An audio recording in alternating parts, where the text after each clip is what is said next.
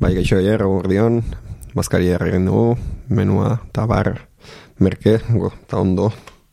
Zetxe, ze, pro, ze moi da en mikrofona probatzeko Prozedura. prozedura. Osa, ez dakizu inoiz ere esan, ez dakizu Txek, txek, txek.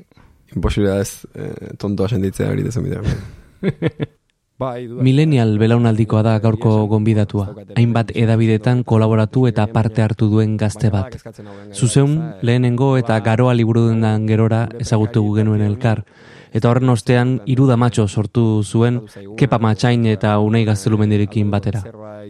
Lander Arretxeak bere Bartzelonako etxeko ateak zabaldu dizkigu. Daukat impresio batzen saiatzen garela gure prekaritateari e, kolore ezagit arroxa edo, edo politago bat behintzat jartzen e, esanaz gure inkietudeak garatzen gabiltzala e, sorkuntza eta benetan nahi duen horretan gaudela eta bar eta iruditzen zait hori ere trampatia dela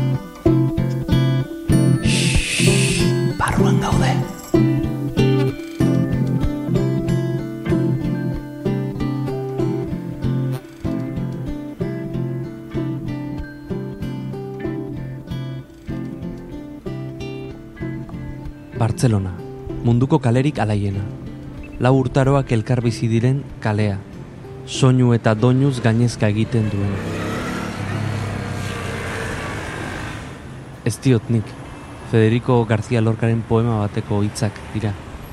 Baina ondo dakigun bezala, hiriburu ederretan ere oro ez da urre.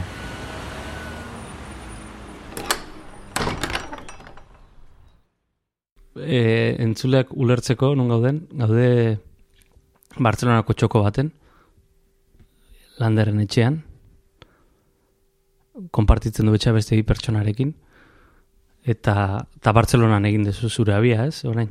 Lekuak ze, ze baldintza behar ditu etxe bihurtzeko. Bueno, egia esan, e, gauza duen bezala orain eta prezioak eta beste, Barcelona ere ez da, donost, uste donostiarekin batera Barcelona omen da Espainiar estatuko hiri garestinetakoa, Madrid artean, eta bueno, banola, hiriak itxuraz ez ditu oso ondo aukeratzen, batetik bestera egin dut bidea. Zarautzen ere antzeko prezioa daude, ez da? eh? Bai, bai. Eta orduan, ba, baldintza garrantzitsu izaten da prezioa. Eta gero horren barruan, ba, prezioen barruan bilatzen dira beste kontuak, ezta. Baina, bueno, kasu honetan, e, bila eta eskaz dara matzat hemen, baina bi pertsona erraz eta jatortu batu ditut, eta hori ez da erraza izaten. Eta horrekin eta hobe batekin, ba, normalean nahikoa da etxea izateko. Zergatik mugitu zinen Barcelona. Ba, bueno, kaldera ertz asko ditu erantzunak, baina, bueno, ba, batetik eta batez ere e, e, gidoi gintzako posgrado bat ikasteko, hori zen motivazio nagusia da behintzate gurasoi kontatzaileen azalpena eta inguruko hori zen. E, ez dago formakuntza espezifikorik e, Euskal Herrian eta zauritxerrez, ba, bueno, egin aztrebatzeko ere aukera gutxi, bai behintzat telebistan eta bar. Eta orduan, ba, bueno, e, banuen gogoa behingoz zerbait e, serio eta eta gogo zartzekoa, e, askotan komplejoare baduka dalako, beste askok bezala pentsatzen dut. E, gauza asko egin, baina denak erdipurri ez da, eta bueno, bengo batik denbora hartu, zerbait konkretua ikasi, eta inguratu, hortan da bien jendearekin. Eta bueno, hortara etorri nintzen naiz eta, gero, ba, bueno, beste kontu batzutan nastu naizen hemen ere, eta azkenean esklusibitatearena, ba, ez dudan inondik inora bete. Ez dakit, noiz ez autu ginen elkar? Ne- Lehen naiz pentsatzen, eh, baina. Baina eh, ez dakit zuzeun izan zen, baina lehenago edo... Nik uste, ba, ni nintzen, karrerako azkeneko urtean uste dut. Ze, ba, e, ja, Bartzelonan bigarren aldia dut, e, lehenengo aldiz e, izan nintzen e, ba, karrerako irugarren mailan eta laugarren mailan bilbora itzuli eta zuzeurekin hasi nintzen, bai, bai, jorna erdian lanen, eta ero hortik ze, zuk zeuk garoara eraman induzun gure orduko jefeen e, aserrerako, baina bai, pasadia urte batzuko, kakaso behatzi edo zortzi edo ez Ai, dakitzen. E, ni e, oroitzen naiz lehen aldiz hori zuzeun artikuluak idaztetik edo, baina oraindik etzin janean, eh? E, zuzeun uste dut. Behin artikuluren bat edo idaztetik izan daiteke Bai, baliteke garai hartan, ba, bueno, zuzeu bazen ere aitzaki bat, e, eskaparate txiki bat, ba, bueno, a, us, ondo, ondo idazten genuela usten genu, uste genuen gazte ausarte horiek, ba, bueno, gure lehenengo gauzatxoak egiteko, eta ta uste nik ere baliatu nuela bai lehi hori, eta, bueno, gero, ba, gauza batetik bestera, ba, ba onaino, ez? Bai. Ez autu geha hainbat proiektutan, ez? Hori esan dezakegu, zuzeun egon elkarrekin, garoan ere elkarrekin koinzitu genuen, e, proiektu ezberdinak, esan, esan dezakegu e, erromantikoak zentzu batzutan ere bai, ez? Liburu denda baten lan egin duela ezin dezake esan edonork. E, eta gero, ba, ba e, Kepa Matxain eta, eta Unai Gaztelumendirekin hiru damatxo abiatu zenuten, ez? Hasiera hartan. Ba, bueno, tonto tonto rutik ere joan dira lau bat urte, eta orduan, zer ja ezakizu zer, izan, zer, zer den gertatu zena, eta zer den gerora diskurtsuaren bidez. E... Baina distantziak ematen dure, bai, beste modu bat, ez, kontatzeko. Bai, akaso relatoa gerora ere ikitzen da, ez, hori ere posiblea. E, ni uste batetik egia da, bazego laure inguruan ja, e, ba, bueno, gazte multzo bat, alor desberdinetan proiektuak sortzen zebilena, eta eta ikusten genuen ba zegoela jendea, ba bueno, beraien kauz eta antolatuta eta modu autogestionatu batean nahi bada, ba gauzak aurrera eramateko aukera bazuena eta horrek emate ziela ere askatasun handia. Gure kasuan bereziki nik uste dut elkartu gintuena izan zela, asteko eta proiektu askotan bezala, edo bintzat proiektu honenetan bezala esan nuke, e, lotura e, laguntasun lotura bat edo elkarregin gauzak egiteko gogo bat, ez, grin bat. Eta gero hartu zuen hartu zuen forma, baina etzan zen izan ideia genialo bat eta gero ba, piezak topatzea edo, baizik eta bueno, piezak genituen eta pues, e, aurkitu genuen pieza horiek enkajatzen zuten e, e, bueno, puzle bat edo, edo proiektu bat ez da. Ikusle zorrotzena ere asetzeko moduko errazeta prestatzeagatik, guk ere bazkaloste batean emango diogu aurtengo ikusentzunezko argia saria hiru damoatxo taldeak egindako gure bazka elkarrizketa sortari. Etor daitezela saria jasotzera Lander Arretxea, Unai Gaztelu Mendi, Kepa Matxain eta Mikel Roma.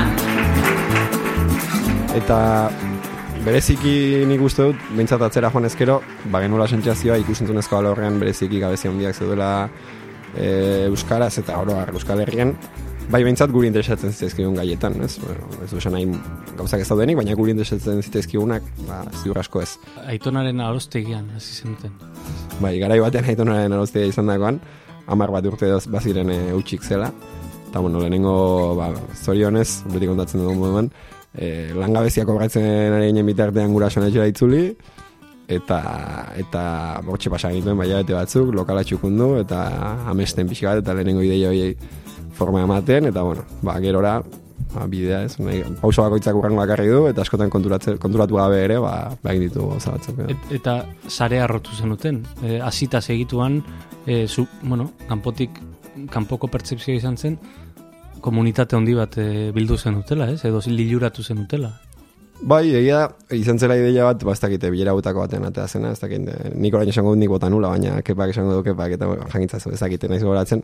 Baina, baina egia da, ba, nola bait, kaso nahi gabe ere, ze askotan gauzak intuizioz egiten dira, ba, asmatu genuela, e, gure gure aurkezteko formularekin, ze alde batetik, bueno, gure bazka elgesai horietan gu oso presente gaunden, eta bueno, gure berri mat, ba, jendeak gu norkinen ezagutzeko balio zuen, baina batez ere, hautatu genituen elkarrizketatuen bitartez, uste dut bai, momentuan interesazuten gai asko ikutu genitula, gaina interesazutenak ez ja zentroan zaudelako, baizik eta, ba bueno, ez, e, lagun arteko konversazio askotan e, aipatzen hasi ziren gaiak, baina oraindik plazan akaso gehiagiz zabaldu gabeak ziren, edo e, gure elkarrizketatu jorratu zituztenak, Eta gehienak lotura zuten, ba, ere momentu horretan egin nahi genuen arekin, ez? Gero, egin nahi denetik egiten denera, beti salto dago.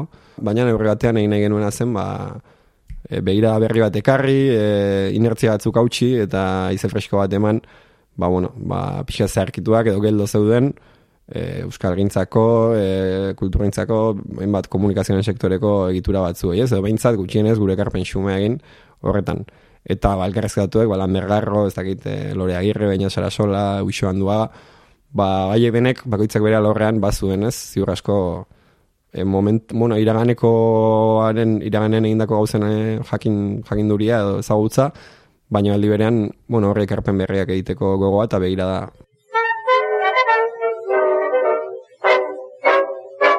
Kooperatiba bat sortzea izan zen, irudamatxokoen antolatzeko autua ekonomia sozial eraldatzailearen aldeko apustua egin zuten.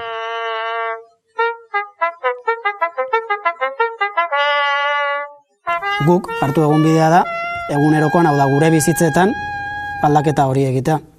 Eta gure bizitzetan esan nahi du gure lanean ere.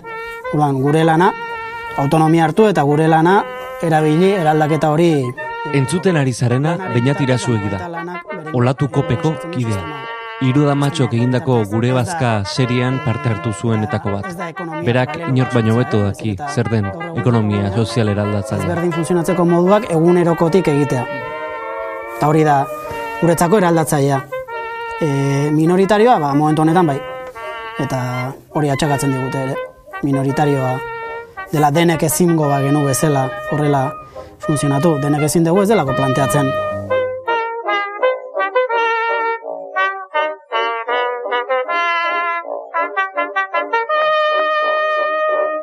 Esango nukena da, bai garai hartan, e, izan zela guretzako referentzia oso harri bat, e, olatuko penbueltan zebien jendea, baina aldi berean ere esango nuke, ba, bueno, gero proiektu, oza, alor bakoitzak ere zaugarri batzu dituela, pertsona bakoitzak ere, adin, adintarte bakoitzak ere beste zaugarri batzu ditu, eta, eta bueno, erronka nagusia da, eta nik uste gure muina hori izan dela. Elkarru lertzeko bitarteko jartzea, bai, eta laguntasun batean, eta elkarriko jarrera zintzo eta ulerkor batean oinarritzea egin duen guztia. Eta uste dut, ez dugula beste puntu, estatutuetako puntu bakar bati ere gehiago iratu, ez bada elkarru lertu nahi horri. Iruda matxotik atera taia, eh? En, ez ote gara e, gu e, gurasoen etxean bizi diren ekintzaile prekarioen belaunaldia. Bai, duari gabe, duari gabe. Nik, e, ia esan, bueno, ez daukat ere hemen diskurso sendo bat botatzeko gaitasunik gaien, baina baina badak eskatzen hau gai bat, ez da, e, nola, ba, bueno, gure prekarietate honi, e, ez dakiguna zen horretan den, e, tokatu zaiguna, borrekatu behar duguna, e, aldatuko den zerbait, e, bueno, ez, horra biltza ez, galduta gaude askotan, e, ez dakit, e, hauetan, baina ia da, sai, badukat impresio batzutan saiatzen garela gure prekarietateari, e, kolore ez dakit, arroxa edo, edo politago bat bintzat jartzen, e, esanaz gure inkietu garatzen gabiltzala, e, sorkuntza eta benetan nahi dugun horretan gaudela eta bar, Eta iruditzen zait hori ere trampatia dela. E, azken finean, ondo dago, noski, nola ez, gure proiektu propioak eta gure kezkak e, landu alizatea, baina horren prezioa ezin du izan e, etengabeko prekaritatea, eta prekaritatea ere ulertuta ez soilik e, diru faltan edo baliabide faltan, zegia da gehiago da gutxiago, baina bueno, nire kasua hori da, e, zuta batean ere aipatu nuen behin, ba, bueno, gurasoek me, berme minimo bat ematen digutela, nire kasuan behintzat loiteko toki bat emateko aukera badute baien etxean, ba, bueno, gurasoek gutxineko babes bat emate horrek, e, horrek zu esan nahi horrek e, izu berrendo biziaraziko zaituenik, baina bai, loiteko toki bat izango duzula bermatua izateak, edo, bueno, laguntzatxo bat e, zinbesteko abalitz, eta badakit ez dela guztien errealitatea, baina nirea bada, eta nik niretik hitz egiten dut.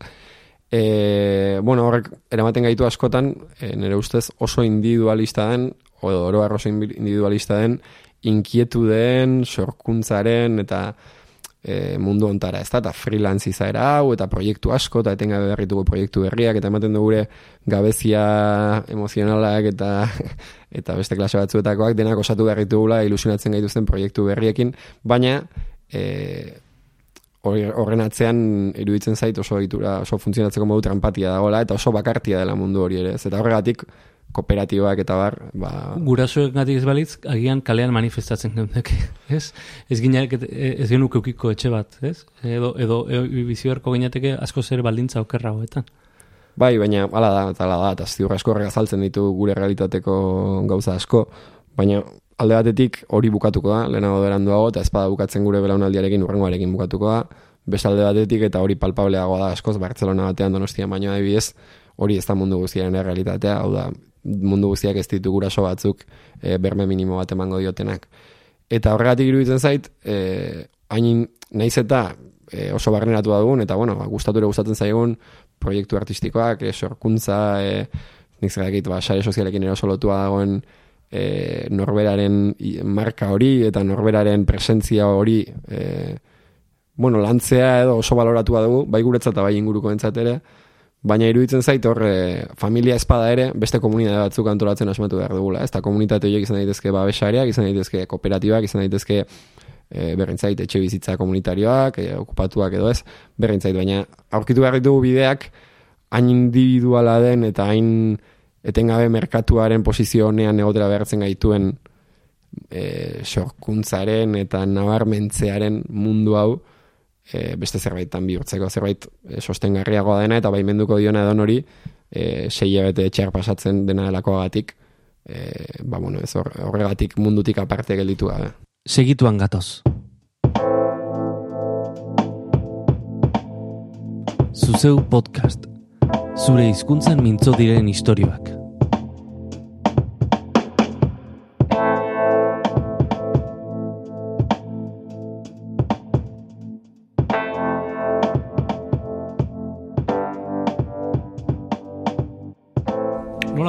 Zema balio du alkilerra Barcelona? Zin da zure kasua, kontatu dezakezu? Ba, orain bertan ikirure hunda irure euro rentzen dut hilean, baina lehiorik ez duen gela gatik, gatik eta kontraturi gabe. Beraz, bueno, horri ematen duen horri, agia borna osoan bizina izela, eta bueno, lanagatik eta gertu dut eta ondo bat horkit. Baina Bartzelonako bat azbesteko prezioa izan daiteke lareun euro bueltakoa... Gelako, bai, gelako, gelako, gelako, ematen, bai. Zenait, e, beste pertsonarekin, gela bat, irure hunda berreta euro, ez, baina... Bai, eta bakeixea gore, bai, kaso honetan bai. ikustu dut e, zertea izan dudala. Baina bai, argi dago horrek ere, ba, bueno, lotzen gaituela, ez, neurri batean, ba, bueno, alokairu horrek e, kalkulu guztiak hasten dira alokairuak eskatzen dizun hortatik. Eta zer esanik ez, ba, bueno, beste batzuen kasuan, ba, nire lankideak ere ala daudelako, oza, nire lankideak berkatu, nire pixukideak ere ala daudelako, ba, freelance lanetan zabiltzanean, ba, autonomo kuota bat orgaintzen duzu, auta beste, eta azkenean sortzen ditugu auto autoesplotazio dinamika batzuk, eta nik aitortu errutere gainera, e, niri gustatzen zaiala hola jarrutea eta proiektuetan aritzea, baina beste alde ere baduela eta horrek e, ardura sentsazio etengabe bat eta ansiedadea eta kezkak eta eta loezak eta jakintzazu, ez da? Eta ni behintzat, e, da zerbait beti izan dudana presente, hau da, horrela funtzionatu dut beti, eta uste dut ez dakidala beste modu batera funtzionatzen, baina eldiberean konstiente naiz, hori ez dela zerbait idealizatu beharrekoa eta eta ekintzailetasuna eta artea eta kultura eta ez egitena ametxezko mundu bat, baizik eta dela ba, bueno, e, pertsonalki, emozionalki eta segun eta zure gora zein da, ba, materialki ere bai, oso sostengarria izan ezten, ezten zerbait, batez ere peluzera. Zertan bere izten da, e, zeuen eredua, e, ba, SL edo enpresa baten eredutik?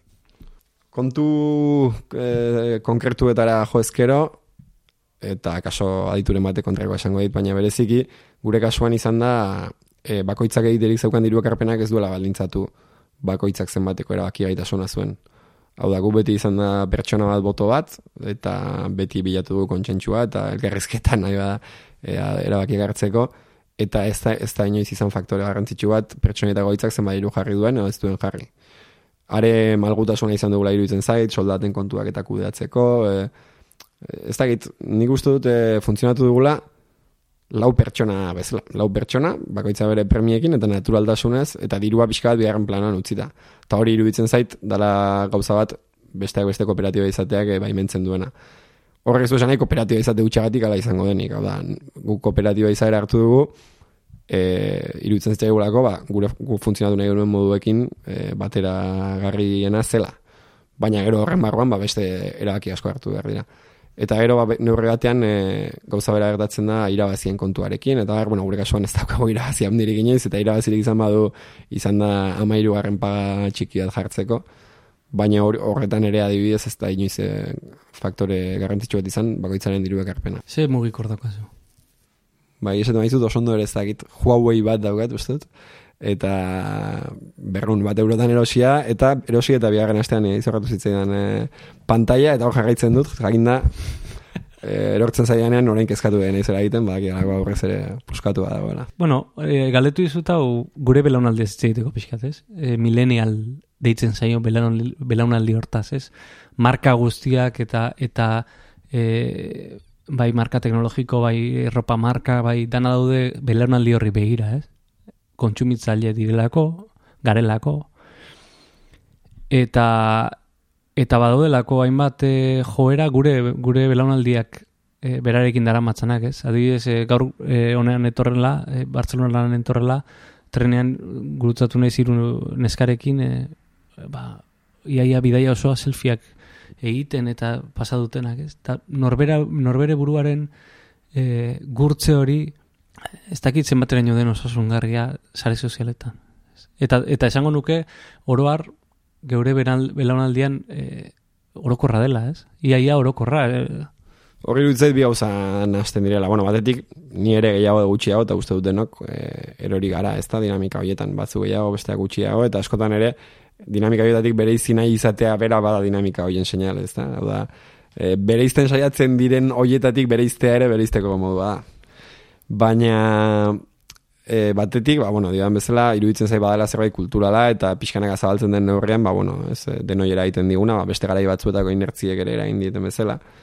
Eta bestetik, eta bueno, errepika korra izateko arrisku hartuta ere, e, iruditzen zait lehen esan dakoa, ez da? Ba, lotura duela ere, ba, bizi dugun munduarekin, ez da? E, asko gehiago aldatzen du bikotez, lagunez, lanpostuz, eta aldatzeko eta ezatzean gelditzeko behar duzuna da etengabe merkatuan egon, posizioan batean, bai merkatu sexu afektiboan nahi bada, bai merkatu laboralean, eta bai e, e, guaia izatearen merkatuan, zera, ala espada, baliteke, e, hemendik bi egunera zure oraingo helduleku horiek erori eta gabe geratzea. Ordan e, sare sozialen mundu honek eta elikatzen duena da, ba hori, norberak ematen dizu bitarteko bat, e, zure irudi hori, zure presentzia hori zaintzeko, jakinda, akaso beharko duzula, ez da? Eta e, hori da arriskutsua.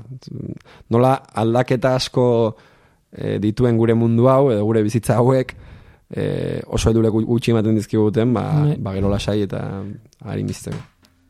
Arritzen hau, e, benetan arritzen hau, eta kaso nire iraganari begiratuta ere ba, autokritika egiten dut, ez? Zare zozelta, baina ba, nola e, daukagun beharra, ez? Proiektatzeko geure buruaren irudi ideal eta askotan gaixo bat, ez? Ia, ia, ez dakit. E, asko onartu eto ingurua, zein guruan e, tokatzen zaitez. E, askotan, bai Facebooken, bai Instagramen, ez?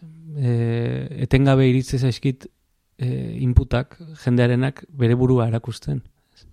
Eta pentsatzen dut, ostras.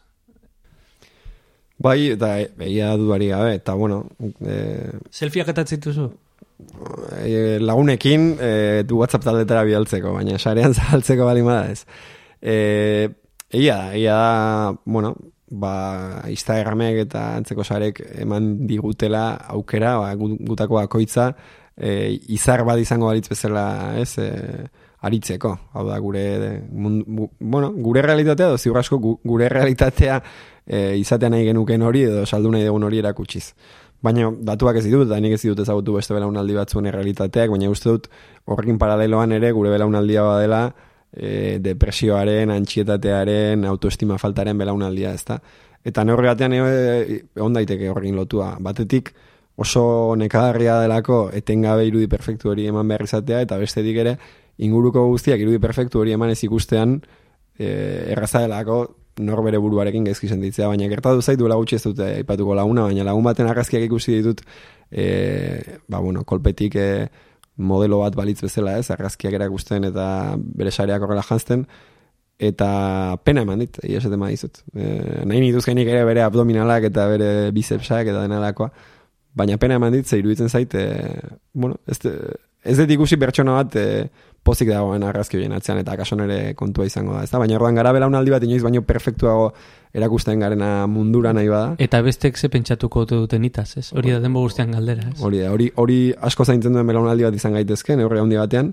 Lehen ere egiten zen, baina orain askoz ere azkarrago, askoz ere e, aktiboago, ez? Lehen ere, ba, e, e, esango nuke gure aitona monen garaian ere, ba, oso presente zegoela, ez? E, duintasunarena eta ez destakatzearena, inkluso, ez? E, diskre, diskrezioarena, izenona, ez? Baina orain aktiboki bultzatzen da, ez ez destakatzea, kontrakoa destakatzea eta gainera ondo, ez? Eta gainera proiektatzea arrakastaren irudi bat, eta... Lagun artean eta asko ipatzen duen gaia, eta bueno, besterik ez bada lagun artean gauden ez ere, orain baliatuko dut. Baina, nion bezala, horren atzean kontu asko daude, eta bata da materiala, ba, nion bezala, nola inoiz baina babes gutxiago ditugu gure lan bizi, bueno, diruiturriak ez dira lehen bezain egon korrak. Gure harreman afektiboak ez dira lehen bezain egon korrak. E, ba, hain da dena prekarioa zentzu horretan, ba bai, ba, neurri batean bizirauteko modu bat dela e, gure burua saltzen aritze hori, ez da? modu batera edo bestera, eh? batzuk Instagramen argazkia jarriz, beste batzuk ez dakite militantzian edo beste bide batzutatik e, nabarmentzen saiatuz, ezta? Baina baina horren atzean badago noski ego bat, badago zerbait e, bueno, barneratu duguna, baina badago ere bizirauteko e, saiakera bat eta horregatik iruditzen zait lehen nion bezala e, garrantzitsua bizirauteko alako gauzen premiez izateko formulak asmatzen hastea. Naiz eta izan fa, o, e, familia eredu tradizionala esera ikiz, bikote eredu tradizionala esera ikiz, eta nahi beste Eta nahi bada, garai bateko ez destakatze hori eta horrek dakartzen muga guztiak kuestionatuz, baina ez gaitezen joan beste muturrera eta bakardade absolutuak behartzen, zait, ez, behartzen dituen dinamika egozentriko hietana. Millennial belaunaldiak berarekin dara mat YouTube, bai? Bada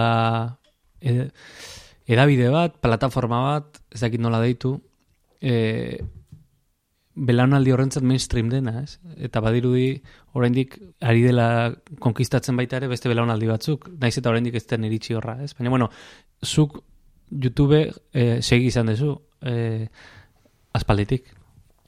Ezagik segi izan dudan danitza. Nik zure bitartez ezagutu nun El Rubius. Adibidez. Baino, baino gero, e, egia zango dizut, ordutik youtubera lotu nintzen. Ez horrelako edukiak e, konsumitzeko, baizik eta eskurritu nuen hor, gauzak egiten ziala, eta ez bakarrik forma bateko edo izaera bateko edukiak, danetik dagoela, ez? Da, mundu anglosaxoean, e, estatu batuetan, sekulako edukiak e, e, daude, ez? E, ez derrigorrez, denok imaginatzen dugun youtuber horren figuran, ez? Baina, bueno, goratzen naiz nola, nola esaten zenidan eh, el Rubius, eta ez ez zautzen el Rubius, jode, bai, milioi, ez dakiz bat milioi jarraitzea ditu. Bai, bueno, argitu nahi nuke nien aizela inoen inora eh, el Rubius talea edo youtuber eh, komunitatearen oso jarraitzea esutxua, baina egia da... Ke konsten akta. Dez, egia da, eh, naiz eta ez ni sentitu horren publiko ofizial edo ez sentitu hori horren gertuko, eh, nolabait orain arte kalitatezko dukitzat jotzen genuen hori edo horri buelta ematen dioten eta guztiz batzutan inkluso eh nuke itxusitasunetik eta eta bueno, nolait kanon batzuk guztiz hautsiz arrakasta izan duten fenomeno hauek askora gertzen dautela. Bai trapak ere, baita ere youtuber batzuk egin duten. Genero berri bada, e, bai. e, e, youtuberrak sortu duten komunikatzeko era inkorrekto hori, e, ikusentzunezko ikuspuntu batetik, ez? Azum eraldoiak, humore e, bat, ez? E, ez duena zertan txarra izan, ez dugu estigmatizatu behar generoari, ez? Baina... Neri interesgarria egiten zek, gehiago fenomeno moduan, no? da, oso interesgarria iruditzen nola e, gauza batzuek argazta handia duten... E, Sekulako eragina dute. Bai, eta eragina dute eta argazta handia dute, eta ziur asko, ba, musika malimada, musikan, e, zinea malimada, zinean ikastaritza malimada gaztaritzen, mundu horretan lanean aritu diren pertsona helduagoen begietan, zaborrutxa izan da ere, eh argazan dia dute eta gainera ni iruditzen zait eskaso guztietan inondik inora baino arretaz ikusiz gero ba bueno arrakasta dutela besteak beste erabakion asko daudelako atzean eta ba, badelako ere ba bueno errealitate konkretu bat erantzuten diotelako edo fenomeno bati ez e, bai egora sozial bati eta kon, belaunaldi bati erantzuten diotelako hau da ez dela zaborra zaborrutxagatik baizik eta eta bueno a ber orain ere botako dut gaizki ulerga daiteken zerbait baina trapa nahi gustatzen alderatzen horregatean e, punkarekin, ezta? Ez da lanketa handia eskatzen duen musika bat, ez da, e, ba, ez da, esan, inogeren e, himno bihurtzeko moduko e, abesti multzoa terapean egiten den, edo bertan duen artistak ez dira munduko eredu garrinak izango, seguraski gauza askotan, baina, e, onerako edo txarrerako, ordezkatzen dute e, errealitate sozial bat, eta, eta bueno, Alu! Zer modu zodeten nire bihotzeko fansak ondo gozaldu duzu, eh? Gogoratu, egunero iru pieza fruta jan behar direla. Eta libratzeko problema balin badazkazue, all brand zerealak. A mi, me funtziona. Bereziki atentzia ditu zidan supertxope. E, jan egin nuen, patatekin. E, nik arp, enuen harrapatu e, performance hori, ez? E, Nola, nol, nundik azten da olako gauza bat? Nundik makinatu zen duten hori? Ba, agian e, mitoa botako dizut, lurrera, baina itortu behar badut, e, egia da, proposamena neurgatean e, sortutik alazetorrela. Hau da, gu bage mintzan aurretik ere youtuber fikziozkoak eta egiteko ideiekin, eta kaso bieratzen nahi patu zan, eta baliteke horren oi ere iritsi izana bertara proiektuaren proposamena iristerako, baina enkarrua ere bideo horretan Sortutik sortutik. Eta sortuk zer demontretarako nahi du youtuber bat? sortuk nahi zuen, e, ba, ezagize kongresu zen urte hartan zegoena, baina kongresu horretara bidean, e, ba, bueno, pixkate gai batzuk mai gainean eta gizartean zabalduko zituen e, e, youtuber bat, modu informal batean, natural batean, eta jakinda, etzela izango zerbait emaitza zehatzak emango zituena baizik eta ba, bueno, beste bidea bat probatzeagatik, ez da. Lehen kontzentrak egiten ziren, eta orain berriz, lindapak! Lindapak! Frena! Frena! Bigarren aldaketa. Kultur zaletasunak. Hau da ziuraski aldaketarik handiena. Lehen militantekin topatzeko barrikadaren kontzertu batetara junbertzinen. Eta orain, gara. Nik besoa eman zuk esku hartu. Gero egia iruditzen zaitu eta hor jende askoren talentua uztartu zen. Edo, berezik ikeparitu zen gidoietan eta eta uste dut asmatu zuela baina egia daldi berean e, bai Peru isasik edizioan eman zion bizitasunagatik eta eduki oso landua zen zentzu horretan ere, oso bizia, oso azkar, oso dinamikoa. Nire zentzazioa izan zen, e, aipatu duen youtuber hauen e, ba, bertute gehienak e, oso oso modu honean uzartu zirela, eh? Ia, ia, youtuber, o sea, zenet, homologablea zen beste youtuber, e, ba, espainiar youtuber bati edo, edo e, estatuatuar youtuber bati. Bai, bai, bai. Besteak beste talde oso bat zegoelako atzen, mm -hmm. ez tramparen parte hori zen, baina eta merituak banatzen jarraituta e, dudari gabe nere arriola aktorea e, brillantea eta oso ondo sartu zen pertsonaian eta eta naturaltasun handiz e, egin zuen, ez, e, bere papera eta horrek asko erraztu zuen dena, ze ziur asko e, sinesagarria ez den antzezpen batekin, ba, segituan eroriko zen e, proposamena, eta gero, gerora youtuber bidea egin duen aiora mugika ere aritu zen, ba, proposamenak egiten, eta pixkate gauza batzuetan laguntzen. Ez zenuten making of egin? Horrena? Ba, ongo da, kaso. Dokumental bat egin daiteke horrekin. Ba, egin, bai. Ze, da, nola sortu youtuber bat, ez? Manual bat egin daiteke horrekin. Ez dakit, e, harri egiten zait, sortu butik etortzea e, proposamena, eta nola gainditu duen, ba, horrek suposatu dezak dana, ez? E, ez du erreparorik ematen alderri politiko baten enkargua egiteak? Eman dezake, eman dezake, duari gabe. Eta horregatik e, saiatzen gara normalean, kanpaina eduki utxa ez egiten. Baina sorturen kasuan bezala, ematen dizutenen aukera, modu ordaindu batean, askatasunez eta sorkuntzatik ba, proiektua garatzeko, ba, ba bueno, ba, aukera politeru zaigun, eta gero ez daukago komplejo askorik ere esateko, e, oro har, eta salbu espenak salbu espen, e, zutxuki izan gabe, ba, bat gatozela sortu planteatzen zituen hildo batzuekin, edo gutxienez, kontrakotasun handirik ez daukagula. E, argi daukagu, e, oso urrun sentitzen dugun, edo etxai politikotzat dugun alderdi bat entzat ez genukela mm -hmm. lanik egingo. EITBek e, youtuberen aldeko apustu emarko luke? Ez dakit EITBek, man. Nik uste dut erakunde publikoak egin behar dutela. Ez dakit hori EITBetik diratu behar den, ez dakit bestelako plataforma batzuk sortu behar diren, hori sustatzeko bai uste dut, e, nioen bezala, ez? E, kazetaritza egiten dutenek, literatura egiten dutenek, sinema egiten dutenek, erakunde publikoen laguntza duten bezala horretarako, uste dugulako kultura eskaintza hori bueno, e, ekarpen publiko bat ere badela, eta are euskararen ikuspegitik ere ezinbesteko dela normalizazio batera bidean, ba, nik aldarrikatzen dut, ezinbestean sareko ikusentzunezkoek ere merezi dutela kontsiderazio hori. Zuzeu podcast egin baten asmorrekin sortu dugu, e, hartuz pixkat, eta komentatzen dizut hau berriako e, zutabegile zarelako e, ba, bueno, telebistari begira eta hainbat e, edukiri begira, ez? Guk podcastena martxan jarri dugu, haizu zen, pentsatu dugulako, euskaraz, irratia eta audioa kontsumitzera ohitua dagoela jendea ja da, ez? Badela e, alor bat entzule asko dituena eta jendea eginda du, e, jendeak egina du ja da belarria, ez? Eta uneko genuke hori eraman podcasten mundura. Estatu batu eta ez daki jarraitu duzu, baina podcasten mugimenduak e, estanda, egin du. Milioika pertsonak entzuten dute podcast bat, ez? Ez dakit, eh, ez dakit, eta audioaren adibidez guk egin duen arzunaketetako bat da, ez dakit ze iritzi ukiko duzu, baina ba, audioarena ba, adibidez ekoizten erlatiboki erresagoa den gauza bada, ez? Eta, eta entzuk eta pasibo bat guzten duena egiten, e, beste gauzat egiten ari zaren bitartean, oean, ez dakit. Eta, bueno, ikusiko du nola funtzionatzen duen, lehenengo e, demoraldiko elkarrezetatu, zea. E... Ba, postu polita iruditzen zait, eta, eta bai, ba, balio du, orain arte, ba, bakarrik eta bidea hundien eskutzi dugun, edo kasu honetan irratien kasuan, ba, Bueno, ia da, dena esan da, irratiak Euskal Herrian izan dute tradizio bat, eta beti egon dira irrati txikiak, mm. eta onda hor bide bat.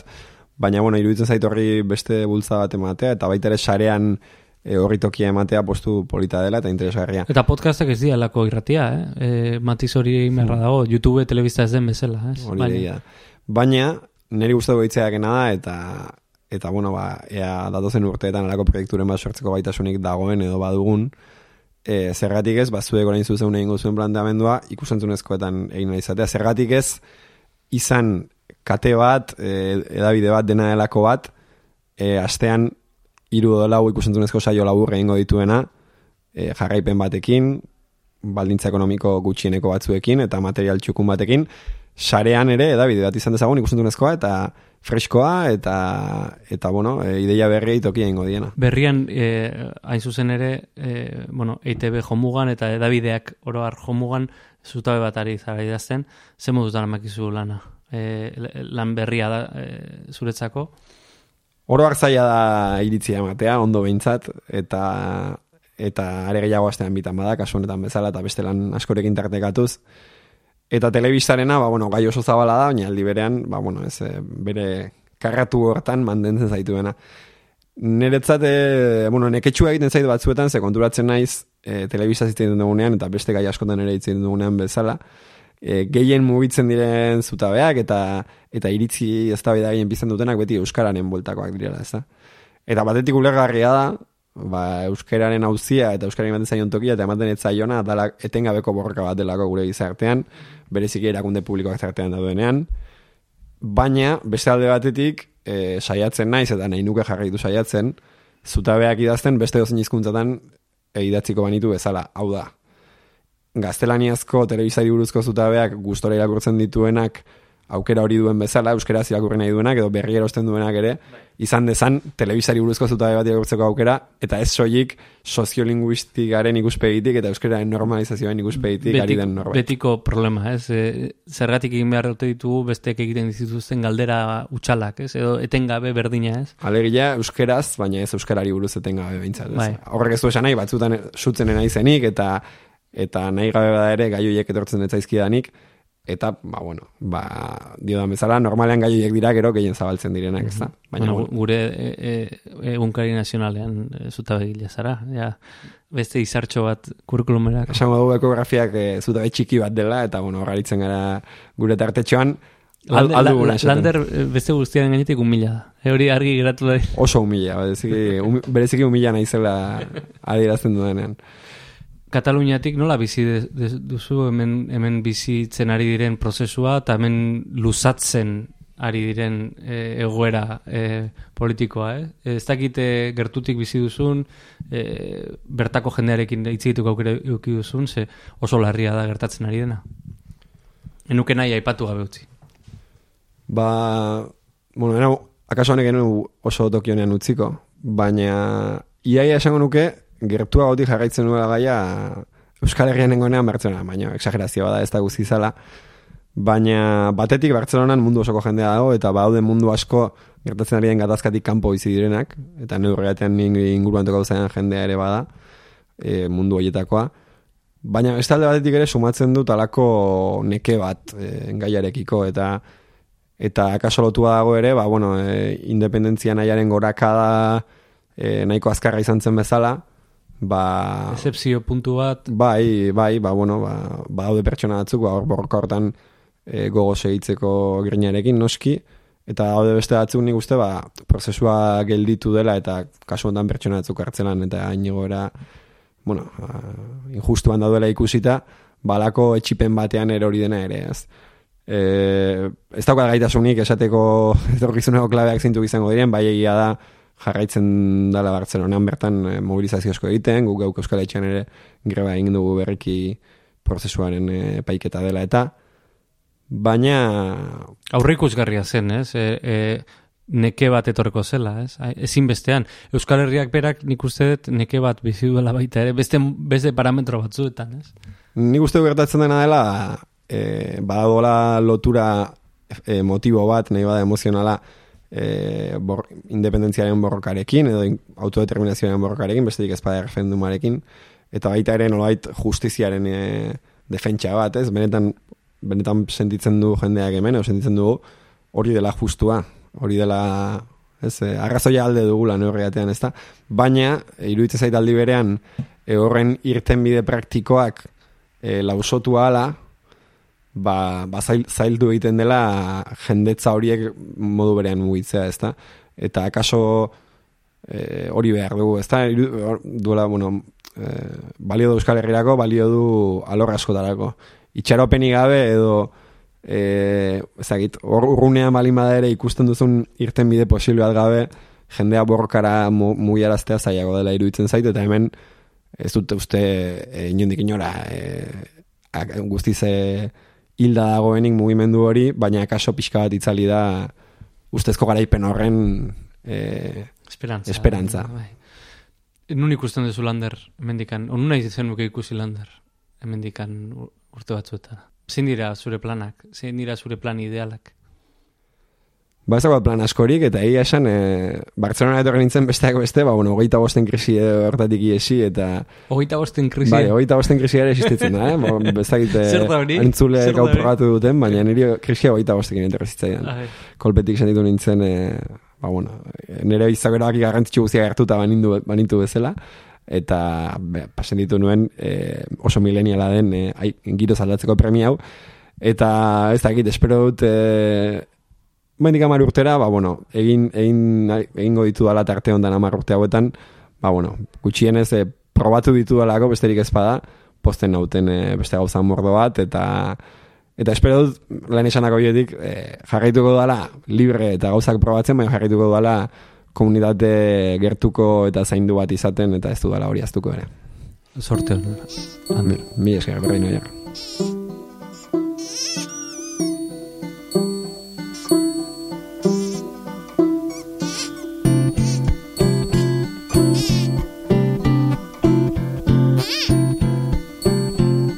Atzean utziko dugu Bartzelona.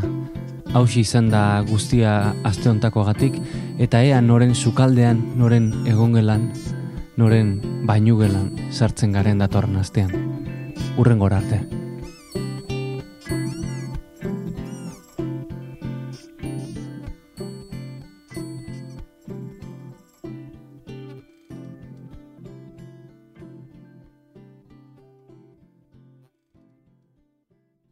Edozein plataformatan entzun dezakezu zuzeu podcast. Spotify, Apple Podcasten, Google Podcasten, eta plataformaren batean espalin gaude, idatzi podcast abildua zuzeu.eus elbidera.